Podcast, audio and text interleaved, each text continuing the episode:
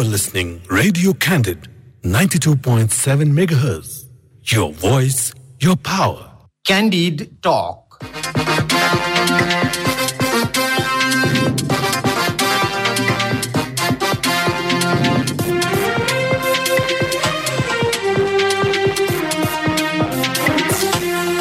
नमस्कार क्यान्डिड टकमा तपाईँलाई स्वागत छ। म धीरज बस्नेत। रेडियो क्यान्डिडको प्रस्तुति कार्यक्रम क्यान्डिड टक तपाईँले शनिबार बाहेक हरेक दिन बिहान साढे छ बजेबाट सात बजेसम्म आधा घन्टा सुन्दै आइरहनु भएको छ।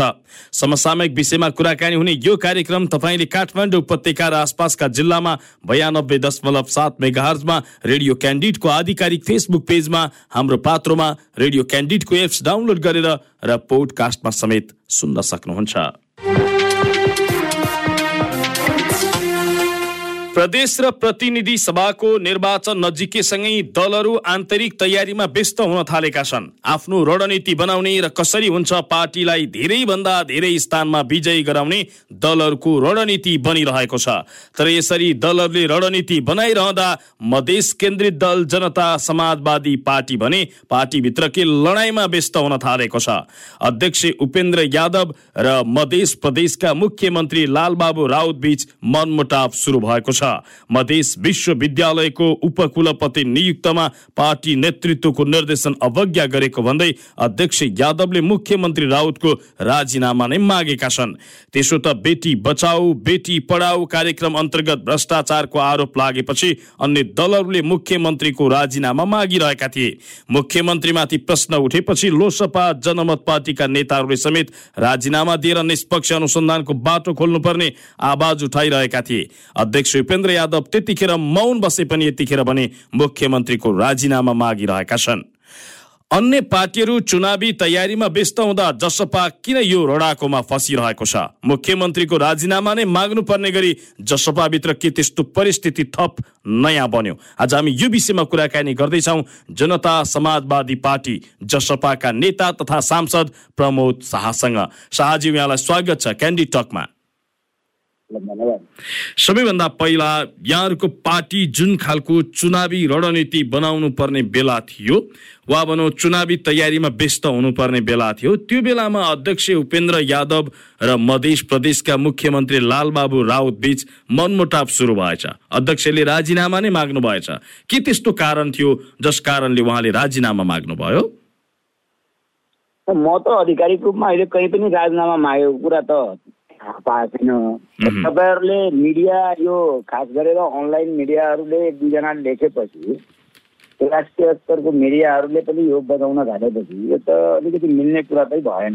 अब अध्यक्ष उपेन्द्र यादवकै छोरोले के भन्नु भएको छ भने सर एक्चुली सुनिदिनुहोस्। अध्यक्ष उपेन्द्र यादवको छोरा जो चाहिँ अमरेन्द्र यादवले पार्टी लाइन विपरीत अगाडि बढेकाले मुख्यमन्त्रीको राजीनामा मागिएको भनेर उहाँले भन्नुभएको छ।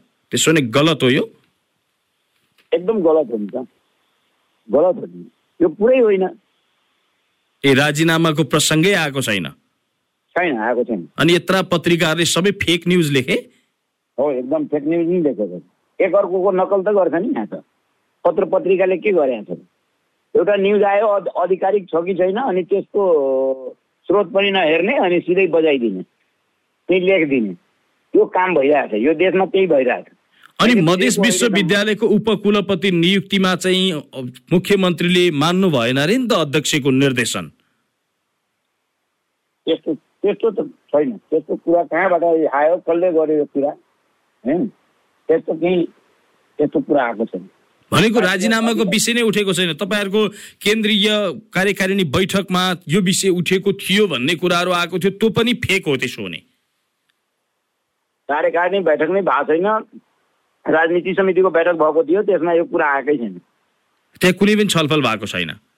अब अर्को कुरा तपाईँहरूको मुख्यमन्त्रीमाथि बेटी बचाउ बेटी पढाऊ बेटी बचाऊ कार्यक्रम अन्तर्गत जुन खालको भ्रष्टाचारको आरोप लागेको थियो त्यसमा कर्मचारीहरू त मुछिए। मुख्यमन्त्री जसको नाममा त्यो अभियान चलेको थियो जसको निर्देशनमा चलेको थियो उहाँमाथि चाहिँ छानबिन हुनुपर्छ भन्ने तपाईँहरूलाई लाग्दैन पार्टीका नेताहरूलाई? तपाईँहरू मिडियावालाहरू तपाईँहरूले यो कुरा बुझ्नुपर्ने हो कि कुनै मुख्यमन्त्रीको नाममा चलाएको कार्यक्रम या प्रधानमन्त्रीको नाममा चलाएको कार्यक्रम या राष्ट्रपतिको नाउँमा चलाएको कार्यक्रम त्यो कार्यक्रममा भ्रष्टाचार हुने बित्तिकै त्यसमा जसको नाउँमा चलाएको कार्यक्रम हो त्यसलाई मुछिनुपर्छ र अनि जसको निर्देशन हो जसको डिजाइन हो त्यो व्यक्ति चाहिँ त्योबाट चोखिनु पर्छ त पत्रकारिता कहाँबाट सिक्नु भएको हो त्यो भन्नुहोस् न जस तपाईँले मलाई पत्रकारिता नसिकाउनुहोस् तपाईँले मलाई यतिको मात्र जवाफ दिनुहोस् कि जसले डिजाइन गरेको जसले निर्णय गराएको हो उसले त्यसको जवाफ दिनु पर्दैन सुन्नु न मलाई यो कुरा भन्नुहोस् तपाईँले राष्ट्रपति चुरे संरक्षणको कार्यक्रम छ भने राष्ट्रपति फस्ने हो तर त्यो राष्ट्रपतिले डिजाइन गरेको होइन सुन्नु सुन्नु सुन्नु पऱ्यो प्रधानमन्त्री स्वरोजगार कार्यक्रम हो त्यसमा तपाईँहरू कतिचोटि मिडियामा आइसके यो यो पैसा एकदम दुरुपयोग भइरहेछ। यो पैसा चाहिँ जसलाई दिनुपर्ने यो घाँसपात हटाएर यो पैसा चाहिँ अर्बौँ अर्बौँ रुपियाँ है खर्च गरिरहेको अवस्था छ। अनि त्यो त्यसमा भ्रष्टाचार भयो भने कि प्रधानमन्त्री मुछ्ने हो। अनि त्यसो भने जे जे योजना बनाएर जति करलप्प खाए पनि सबैजना चुप लागिदिनु पर्ने हो? त्यो पक्षमा मैले कुरा गरेँ नि त। तपाईँले भनेको कुरा तपाईँले नै भने अनुसार त यही हो नि त कुरो होइन? कर्मचारी फस्यो तर जसको नाउँमा चलाइरहेको यो कार्यक्रम हो त्यो मान्छे फसेन। त मैले भने प्रधानमन्त्रीको नाउँमा चलाएको कार्यक्रममा भ्रष्टाचार भयो भने प्रधानमन्त्री फस्ने हो। त्यसो हो भने बेटी पढाऊ बेटी बचाऊ अभियानका लागि त्यत्रो। साइकल किन्नका लागि बनाइएको योजना गरेको निर्णय। प्रत्येक कुरामा उहाँको सहभागिता त्यो सबै जिरो। राम्रो काम कुनै गर्छ भने तपाईँहरूलाई पचेकै हुँदैन त्यो कुराहरू। है? अनि अन्ट सन्ट बजाउने अन्ट सन्ट लेख्ने है? यदि कसैले गलत गर्यो भने त्यसको निकाय छ त्यो निकायले छानबिन गरेर त्यो कारवाहीको दायरामा ल्याइरहेछ। अनि राम्रो काम गरेको बाद त्यत्रो करोडौँ भ्रष्टाचार भयो भनेर अख्तियारले किन समात्यो? मुख्यमन्त्रीको नाउँमा सञ्चालन भएको कार्यक्रममा है मुख्यमन्त्री नै फस्न जरुरी छैन। प्रधानमन्त्रीको नाउँमा सञ्चालन भएको कार्यक्रममा प्रधानमन्त्री नै फस्नु जरुरी छैन। राष्ट्रपतिको नाउँमा सञ्चालन भएको कार्यक्रममा राष्ट्रपति नै फस्नुपर्छ जसको छैन।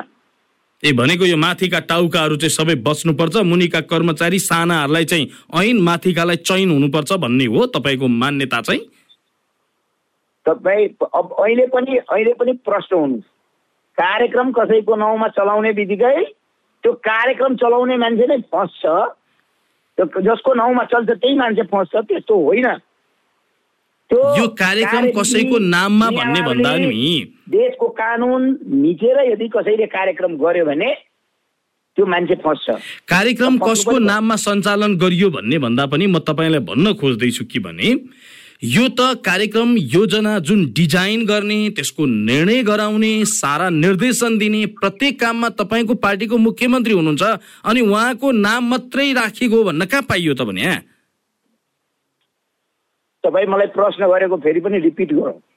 तपाईँको मुख्यमन्त्री जो हुनुहुन्छ उहाँको नाममा मात्रै यो कार्यक्रम सञ्चालन गरिएको छैन कि? प्रदेश नम्बर दुईको मुख्य प्रदेश प्रदेशको मुख्यमन्त्री तपाईँको। पार्टीको मुख्यमन्त्री भन्दैछु म। तपाईँको मुख्यमन्त्री भन्नुभयो मैले र भन्दैछु म तपाईँ तपाईँलाई प्रश्न क्लियर गर्न चाहन्छु कि खासमा मुख्यमन्त्रीको त्यहाँ नाम मात्र जोडिएको छैन क्या? मुख्यमन्त्रीले त्यसको योजना पनि बनाउनु भएको छ बेटी पढाऊ बेटी बचाऊ अभियानको। त्यसमा उहाँले विभिन्न निर्णय गराउन लाउनु भएको छ विभिन्न निर्देशन दिनुभएको छ। त्यो सबै गरेको कुरा चाहिँ उहाँको नाम मात्रै हो त्यो कारणले यो सबै कुरालाई चाहिँ आँखा चिम्लिनुपर्छ भन्न खोज्नु भयो तपाईँहरूले? जो भ्रष्टाचार गरेको छ कुनै पनि योजनामा त्यो भ्रष्टाचार गर्ने छुट यो देशको कुनै पनि व्यक्तिलाई त्यो छुट दिएको अवस्था छैन। र अनुसन्धान भइरहेछ त्यो अख्तियारले हेरिरहेछ त्यो फाइल। हेरेर कसलाई कसलाई कसको कसको दोषी छ त्यो अख्तियारले गरिरहेको अवस्था छ भने होइन? अर्कोतिर तपाईँले जसको नामै आएको अवस्था छैन त्यो मान्छेको नाम तपाईँले भनेर है? के आधार स्रोत के जब मैले भन्नै पर्दैन नि, उहाँले सारा- मुख्यमन्त्रीलाई कहीँ टच गरेको छ यो देशमा ठुला राजनीतिक नेताहरूलाई त कहाँ टच गर्छ त? नियुक्ति उनीहरूले गरेका हुन् कहाँबाट छुन्छ? तर तपाईँहरूको पार्टीभित्र सामान्य प्रश्न त उठ्नुपर्ने हो नि त। यत्रो चाहिँ कुरा आएपछि सामान्यतया पार्टीले आन्तरिक रूपमा छानबिन गर्नुपर्छ भन्ने नैतिकता तपाईँहरूले देखाउनु पर्दैन। तपाईँहरू जस्तो माननीयहरूले? पार्टीको कुरा पार्टीले गर्छ। बुझ्नुभयो। पार्टीको कुरा पार्टीले गर्छ। भ्रष्टाचार गरेको कुरा भ्रष्टाचार हेर्ने निकाय छन्। त्यो निकायले हेरिरहेको अवस्था छ होइन? त्यसले गर्दा कसैको नाम लाउँदैमा कसैको केही गर्दैमा सबै थोक भइहाल्छ भन्ने छैन। त्यसले गर्दा भ्रष्टाचार गरेको जो पनि होस् देशको कुनै पनि ओहदामा होस् त्यसलाई कानुनको दायरामा ल्याउनुपर्छ र आउनुपर्छ मेरो मान्यता हो है? पार्टीको पनि त्यही मान्यता हो। र भ्रष्टाचार मतलब मा नाम उछिने बित्तिकै सबै भ्रष्टाचारी त्यस्तो हुँदैन। त्यसको. कानुनी प्रक्रिया छ त्यो कानुनी प्रक्रिया अनुसार अगाडि बढ्छ र यदि भ्रष्टाचार ठहर हुन्छ भने जोसुकै भए पनि त्यसलाई कानुनको दायरामा आउनुपर्छ। तपाईँहरूको अध्यक्ष र मुख्यमन्त्री बीच चाहिँ कुनै खालको टकराव भएको जुन खालका कुराहरू आइरहेका छन् यो यो टकरावको स्थिति चाहिँ होइन? यो यो यो ल्याएको तपाईँहरूले हो। तपाईँहरू जस्तो पत्रकारिता गर्ने मान्छेले ल्याएको हो। तपाईँहरू भित्रभित्र रडाको मचाउने हामीले ल्यायो भनेर अरूलाई गाल नपार्नुहोस् न। कुनै रडाको कहाँ तपाईँ हेर्नुभयो? मलाई एउटा भिडियो तपाईँ देखाइदिनुहोस् त। सबै कुराको भिडियो कहाँबाट उपलब्ध हुन्छ? त्यही त। कहाँबाट त मैले स्रोत भन्दैछु नि म म पार्टीको प्रमुख सचेतक हो। तपाईँको पार्टीको अध्यक्षले दुईवटा कुरामा मुख्यमन्त्रीसँग असन्तुष्टि जनाउनु भएको भन्ने कुरा आइरहेको छ। म त्यही कुरा तपाईँसँग खास गरी जान्न चाहिरहेको छु र जनताले पनि त्यो विषय खोजिरहेका छन् जान्न खोजिरहेका छन्। खासमा एउटा कुरा उहाँले मधेस विश्वविद्यालयको चाहिँ उपकुलपति नियुक्तिमा मुख्यमन्त्रीले उहाँले दिनुभएको निर्देशन मानिदिनु भएन अरे। एउटा कुरा दोस्रो कुरो बेटी पढाऊ बेटी बचाऊ जुन अभियान छ जुन कार्यक्रम छ त्यो कार्यक्रममा उहाँको नाम पनि विभिन्न ठाउँमा मुछिसकेपछि पार्टीले आन्तरिक रूपमा छानबिन गर्नुपर्छ भनेर उहाँले राजीनामा माग्नु भएको अरे। अब यो विषय चाहिँ हो कि होइन म तपाईँबाट यसलाई प्रश्न पारिदिनुहोस् भन्न चाहिरहेको छु। यस्तो कुनै अधिकारी कुरा आएको छैन म फेरि पनि भन्दैछु कुनै त्यस्तो अधिकारी कुरो छैन होइन? अब कसले के भन्यो? अन्यले। त्यो कुरा म त्यतातिर जान पनि चाहँदैन। है तपाईँ त उहाँको छोराको नाम पनि भनिदिनु हो। हो। होइन होइन, लेखिएको छ। आजको नयाँ पत्रिका हेर्नुहोस्। नयाँ पत्रिकाले गरेको कुरा अनुसार अध्यक्ष यादवका छोरा समेत रहेका जसपाका नेता अमरेन्द्र यादवले पार्टी लाइन विपरीत अगाडि बढेकाले मुख्यमन्त्रीको राजीनामा मागिएको बताए भनेर लेखेको छ। त्यसो भने नयाँ पत्रिकालाई पनि नपत्याउने कुनै मिडियालाई पनि नपत्याइदिने। यो कुरा फेरि पनि यो कुरा यदि त्यही त्यही उहाँले नै भन्नुभएको छ भने यो कुरा उहाँसँगै गर्दा राम्रो हुन्छ। किनभने पार्टीको कुनै आधिकारिक लाइन त्यस्तो आएको छैन। पार्टीको। कुनै पनि बैठकमा छलफल भएको छैन यो विषयमा। छैन भएको छैन तर यो जुन कार्यक्रममा जुन खालको भ्रष्टाचारको कुरा आयो विभिन्न दलले जसरी राजीनामा मागे र जुन खालको तपाईँहरूको एउटा छवि पनि त्यसले धमिल्याउन मद्दत गर्ला वा के होला यसले चुनाव नजिकिँदै गर्दा असर गर्छ भन्ने लाग्दैन तपाईँहरूलाई? यो तपाईँहरू मिडिया चलाउने जस्ता व्यक्तिहरूले यो तपाईँहरूको खोराकी हो। त्यसले गर्दा जे मन लाग्छ अनसन यो चुनावको बेलामा तपाईँहरूले बजाएको हो। तपाईँहरूलाई प्रश्न सोद्धा हामीले विषयलाई गिडोल्न चाहेको केही त्यस्तो दिएर चुनावको बेलामा तपाईँहरूलाई यस्तै यस्तै कुरा तपाईँहरूलाई मनपर्छ अनि तपाईँहरूले यस्तै यस्तै कुरा बजाउने हो। अनि तपाईँहरूले गरेको त्यत्रो अख्तियारले छापा हानेको त्यो चाहिँ केही पनि होइन है तपाईँलाई तपाईँले जानकारी छ नि त त्यो छापा हानेको कुरा तपाईँलाई जानकारी छ मलाई पनि जानकारी छ हो अनि त्यही छापा हानेको कुरा त जानकारी छ मलाई पनि जानकारी छ। छापा हानेकोमा को को कर्मचारी के के गरेर फस्या छ त्यो कुरा पनि जानकारी छ तपाईँलाई। जानकारी छैन त्यस्तो छैन सबै कुरा जानकारी छ नि त। मैले जोड्न खोजेको नि चुनाव नजिकिँदैछ तपाईँहरूको पार्टीको विषय यसरी बाहिर आइरहेको छ त्यसले तपाईँहरूलाई चुनाव नजिकिँदै गर्दा असर गर्छ भन्ने लाग्छ कि लाग्दैन? नि यो देशमा मतलब मिडिया कहिले पनि। यो हाम्रो पक्षमा हुने कुरा हामीले राम्रो काम गरेको बजाउँदै बजाएन नि। अहिलेसम्म के के। गर्नुभयो तपाईँहरूले राम्रो जसलाई मिडियाले बजाइदिएनन्? भनिदिनुहोस् तल आजको दिनमा। थुप्रै छ त्यस्ता काम। भनिदिनुहोस् न त बुदागत रूपमा भन्नुहोस् न। जसलाई तपाईँहरूले गरेको कामलाई मिडियाले पूर्ण रूपमा बायस गरे। म भन्दैछु नि थुप्रै काम यस्ता के के हुन् त जसले- थुप्रै नभन्नुहोस् न के के हो त भन्नुहोस् न। आज हेर्नुहोस् यो यो अहिले नागरिकता जुन दिने काम छ नि। त्यो नागरिकता दिने काम के यो बाउ र आमा नागरिक हो भने यो गलत हो? उसलाई उसको छोराछोरीलाई नागरिकता दिनु। गलत हो? ठिक हो आमाले आमाको नामबाट। नागरिकता पाउनुपर्छ यो विषय त वर्षौँदेखि उठेकै हो तपाईँहरूले मात्र होइन सारा नेपालीले उठाएको विषय हो यो कसरी उठाइरहेछ हामी हामी हेरिरहेछौँ त्यो कुरालाई पनि। एक दुईवटा मिडिया बाहेकका मिडियाहरू यसको नेगेटिभ प्रचार नै गरेको अवस्था छ नि त? बाउ आमा एउटा छोरा यो देशको नागरिक अनि अर्को चाहिँ कुन देशको नागरिक अर्को छोरा कुन देशको अर्को छोरी कुन देशको नागरिक? यस्तो पीडामा बसिरहेछ मान्छेहरू है। यो यो न्युज बन्नुपर्ने हो नि त। देशको यो न्युज सबै मिडियाको न्युज यो हुनुपर्ने नि फ्रन्ट न्युज हुनुपर्ने हो नि। हामी हामी त हेरिरहेछौँ नि त। जे कुरा एकदम चासोको विषय लिएर अगाडि बढाउनु पर्ने त्यो चाहिँ नबढ्ने। अनि जुन कुरामा कुनै दम पनि हुँदैन कुनै सत्यता पनि हुँदैन त्यो कुरालाई चाहिँ दिनभरि बजाइराख्ने। तर तपाईँहरू। तर तपाईँहरू फेरि गरिदिनुहुन्छ के भने जे कुरा चाहिँ सत्य हो त्यो कुरा लुकाइदिन खोज्नुहुन्छ। जे कुरा बाहिर चाहिँ तपाईँहरूलाई देखाउन मात्र मन लाग्छ त्यो कुरा मात्रै तपाईँहरू हुनु हो भनिदिनुहुन्छ। समस्या त तपाईँहरूमा पनि त होला नि। त्यस्तो मैले अहिले पनि भन्दैछु नि। तपाईँले भनेको कुरा सुरुदेखिको प्रश्न तपाईँले गर्नुभयो। त्यो मैले भने प्रमाण छ तपाईँसँग त्यो बोल्ने। सबै कुराको प्रमाण हुन्न सर सबै कुराको प्रमाण भेटिन्न खोजिन्न तर प्रमाण हुँदैन भने म भन्दैछु त्यस्तो कुनै आधिकारिक निर्णय भएको छैन भने कुरा सकियो हो। हो म त्यो कुरा सकेर म तपाईँसँग फेरि चुनावतिर कुरा आउँदैछु। तपाईँले मलाई त्यो विषय भनिदिँदै हुनुहुन्छ कि हामीले थुप्रै त्यस्ता राम्रा काम गऱ्यौँ जुन मिडियाले बजाइदिएनन्। ती के के हुन् भनेर म तपाईँलाई सोच्दैछु।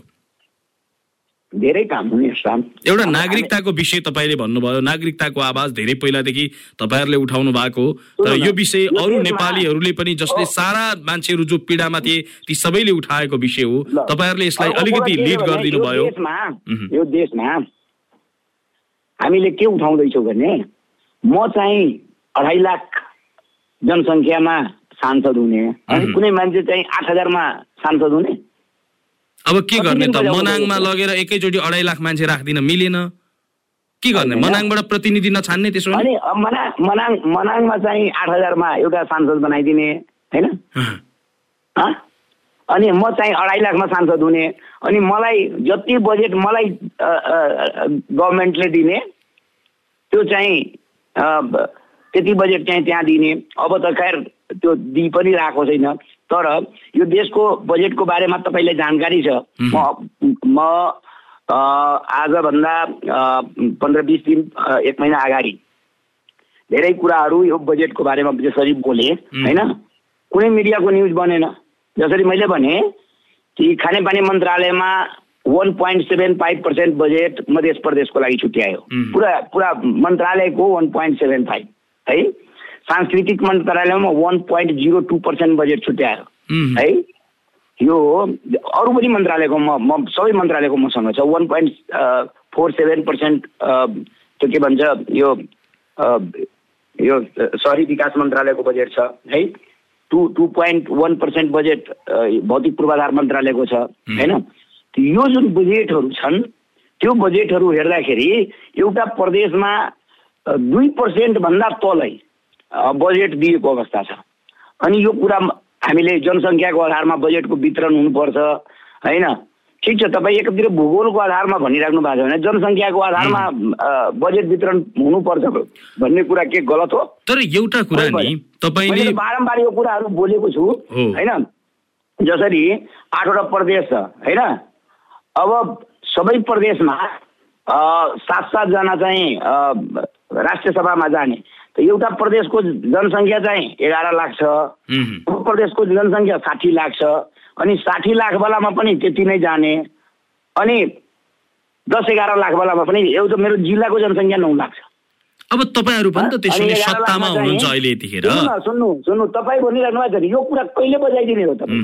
बजिरहेछ लाइभ हुनुहुन्छ तपाईँ यतिखेर। अहिले अहिले त म बोल्दैछु ठ्याक्कै लाइभ हुनुहुन्छ। तपाईँले भन्नुभयो नि अ, तपाईँले भनेको के के कुरा बजाइदिने? यो कुराहरू मैले बारम्बार भनेको छु। तर यो बजाएन के मिडियाहरूले? मैले हाउसमै बोलेको छु तर कुनै न्युज बनेन कुनै च्यानलको न्युज बनेन। किनभने यो असमानता हो नि। देशको विकास गर्नको निम्ति साठ लाख जनसङ्ख्या हुनेलाई पनि सातवटा प्रतिनिधि दिने अनि दस लाख जनसङ्ख्या एघार लाख जनसङ्ख्या हुने प्रदेशलाई पनि सातवटा प्रतिनिधि दिने होइन? अनि म चाहिँ अढाई लाखमा सांसद हुने अनि कुनै मान्छे आठ हजारमा सांसद हुने। यो जुन नीतिगत जुन कुरा छ जो मेरो विरुद्धमा छ होइन? हाम्रो विरुद्धमा छ। त्यो कुरा कहिले पनि नबजाइ मैले यस्तो थुप्रै हो। मैले मात्रै एउटा कुरा नि एउटा कुरा नि मैले तपाईँसँग जान्न खोजेको खास गरी सांसदहरू चाहिँ देशको नीति निर्माण बनाउनका लागि सांसद चुनिएका हुन्छन् कि खानेपानीको धारा बनाइदिन त्यो बाटोमा कालो पत्रे लाउनका लागि सांसद भएका हुन्छन् र त्यसका लागि त प्रदेश र स्थानीय तह छ त। म हिजै यो कुरा भनेको छु। यो देशका आफूलाई बुद्धिजीवी ठान्नेहरू के भन्छ भने यो सांसद भनेको नीति निर्माण गर्ने तिर जानुपर्छ नीति निर्माण गर्नुपर्छ है? तर मलाई जसले भोट दिनुहुन्छ नि. जुन जनताले उहाँको इच्छा र आकाङ्क्षा र उहाँको चाहना के हुन्छ भने मान्य भनेको मेरो स्वास्थ्य चौकी पनि बनाइदिने मैले मेरो अस्पताल पनि बनाइदियो मेरो सिँचाइ पनि गराइदिने है मेरो रोड पनि बनाइदिने मेरो सबै काम पनि गरिदिने होइन? त त्यो जनता जसले हामीलाई भोट दिन्छ उहाँहरूको चाहना सांसदसँग त्यो हो। ल ठिकै छ। हामी पनि चाहँदैनौँ हामी पनि भन्छौँ कि यो यो बजेट जुन दिने काम आखिर दुई वर्षदेखि रोकिया छ होइन? बजेट त आएको छैन। तर यो कसैको बपौती देश होइन नि कि जसले आफ्नो क्षेत्र ठुलो मान्छे हुने बित्तिकै आफ्नो क्षेत्रमा चाहिँ ठुलो बजेट ल्याउने होइन? र अन्य मान्यहरू पनि मान्य हो नि होइन? अनि सरकारले दिने बजेट त्यो विकास गर्ने होइन आफ्नो आफूले उ गरेर योजना सिलेक्ट गरेर विकास गर्ने होइन। तर यो देशको जति पनि बजेट जान्छ हरेक मन्त्रालयको त्यो बजेटको बाँडफाँड जुन हुन्छ त्यो बाँडफाँड त कमसेकम समानुपातिक समावेशी हिसाबमा हुनु पर्यो नि। हरेक क्षेत्रलाई टार्गेट गरेर त्यो बजेटको वितरण हुनु पर्यो नि होइन? अनि कुनै क्षेत्रमा चाहिँ अरबौँ रुपियाँ जाने ठुलाबडाको क्षेत्रमा मन्त्री छु भने मेरो क्षेत्रमा अरबौँ रुपियाँ जाने। अनि जो मन्त्री छैन सांसद त्यहाँ दुई सय पचहत्तरीजना सांसद हो नि। अनि उहाँहरूको क्षेत्र ल क्षेत्रैको कुरा गर्ने भने एक सय पैँसठवटा त क्षेत्र छ नि। अनि एक सय पैँसठवटा क्षेत्रलाई देशको बजेट जुन हुन्छ त्यो देशको बजेट जुन हुन्छ त्यो त्यसको वितरण प्रणाली त समानुपातिक समावेशी हिसाबले जानु पर्यो नि। त्यसको त वितरण जुन हुनु हुनु पर्यो क्षेत्रगत हिसाबमा स्वास्थ्यको बजेटदेखि लिएर शिक्षाको बजेटदेखि लिएर रोडको बजेट। किन चाहिन्छ मान्यलाई बजेट? चाहिँदै चाहिँदैन। तपाईँले भनेको कुरा जुन छ त्यसलाई मैले समर्थन गर्न खोजेको छु। तर बजेट जुन छ यो मधेस जसरी मध्य प्रदेशमा मन्त्रालयको बजेट मैले सबै मैले कल्कुलेसन गरेर मैले भन्दैछु। यो बजेटको कुरा किन गरेँ भने हामीले छुट्याउने होइन। तर राज्यले छुट्याउने बजेट कमसेकम हरेक जसरी मध्य प्रदेशमा यो मध्य प्रदेशको अहिलेको जनसङ्ख्या साठी लाख पुग्न लाग्यो होइन? अनि साठी लाख जनसङ्ख्यालाई चाहिँ one point seven five percent one point zero two percent one point four seven percent अनि two point one percent budget दिएर मन्त्रालयले मधेसको विकास गर्ने हो मध्य प्रदेशको विकास गर्ने हो। अब तपाईँहरू आफै सत्तामा हुनुहुन्छ सरकार चलाइरहनु भएको छ। तपाईँहरूले यो विषयमा खास गरी यसरी गुनासो गर्दै हिँड्ने हो कि सत्ता सञ्चालक देशको प्रधानमन्त्रीसँग मन्त्रीहरूसँग यो के गरेको भनेर प्रश्न गर्ने? यो म म म आफै पनि भन्दैछु। यो कुरालाई मैले मैले यो म आज अब तेस्रो चौथो सालको बजेट पास गरेर अहिले बसिरहेको अवस्था छ। म हरेक मन्त्रालयको प्रत्येक वर्षको मैले बजेटको त्यो सीमा मध्य प्रदेशको लागि कति छुट्याएको छ म प्रत्येक सालको निकालेको छु। हुँ। कति कति छुट्याएको छ कति बजेट छ कति मध्य प्रदेशको लागि छ कति अन्य प्रदेशमा छ होइन? भनेपछि सबै पहिलादेखि छुट्याएको छु र यो म कुरा उठाउँदै आएँ। र यो वर्ष पनि हो यो वर्षको बजेट जब आयो त्यतिखेर हामी सरकारमा यो वर्षको बजेट आउँदाखेरि सरकारमा थियो र जुन जुन हाम्रो मन्त्रालय छ त्यो मन्त्रालयको मन्त्री भए पनि हामीले त्यो कुरा उठायौँ। र के भन्छ भने मन्त्रीहरूको अवस्था के छ भने जसरी राष्ट्रिय गौरवका योजना ल यो देशमा उन् सत्ताइसवटा राष्ट्रिय गौरवका योजना छन् होइन? अब सत्ताइसवटा राष्ट्रिय गौरवका योजना बाह्र पन्ध्र वर्षसम्म पनि बन्दैन तर सत्ताइसवटा पुर्याएको छ। मैले के भने भने ल हामीले दसवटा मात्रै गरौँ नि। राष्ट्रिय गौरवका योजना पचासवटा गर्ने अनि त्यो चाहिँ समयमै काम न सम्पन्न गर्ने। अनि पाँच वर्षमा सम्पन्न हुने योजना एघार वर्षसम्म दस वर्षसम्म सम्पन्न भएको छैन। अनि त्यसमा चाहिँ बजेट थपेको थपेको छ। जो जो मतलब जसरी मानिलिनुहोस् दस अरबको कुनै ठेका लागेको छ भने त्यसमा पचास अरब गइसक्यो तर त्यो काम सम्पन्न भएको छैन। तर त्यो थपिरहेको थियो। नीतिगत रूपमा यस्ता कुराहरूको मैले विरोध गरेँ।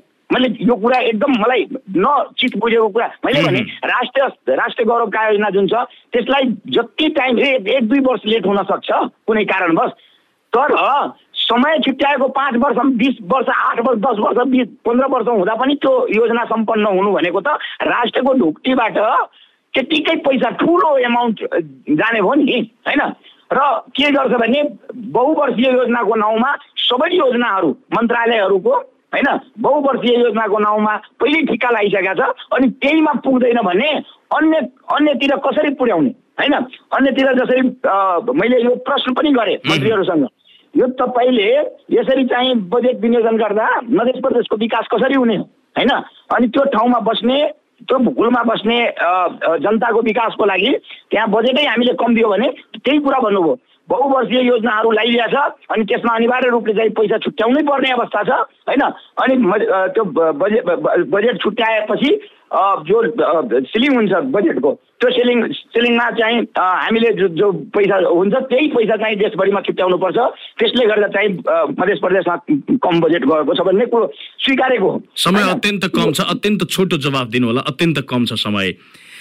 जस्तो सारमा चाहिँ त्यसो भने राज्यबाटै अझै भनौँ तपाईँहरू सरकारमा भए पनि सरकारबाटै तपाईँहरूलाई जहिले पनि अलिकति पछाडि धकेल्ने तपाईँहरूलाई चाहिँ कसरी हुन्छ पछाडि नै पार्ने खालको नियत राज्य र सरकारबाट भयो र यो यो यसमा म के भन्न चाहन्छु भने नीतिगत छोटकरीमा प्लिज।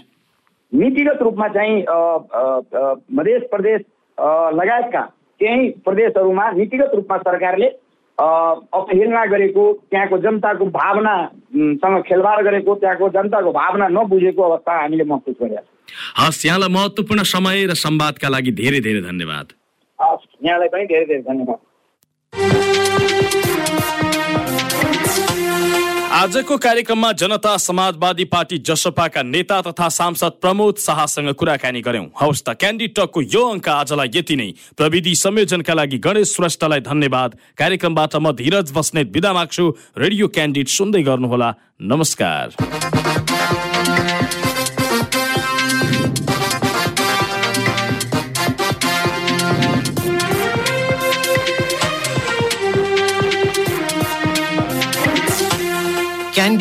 Talk.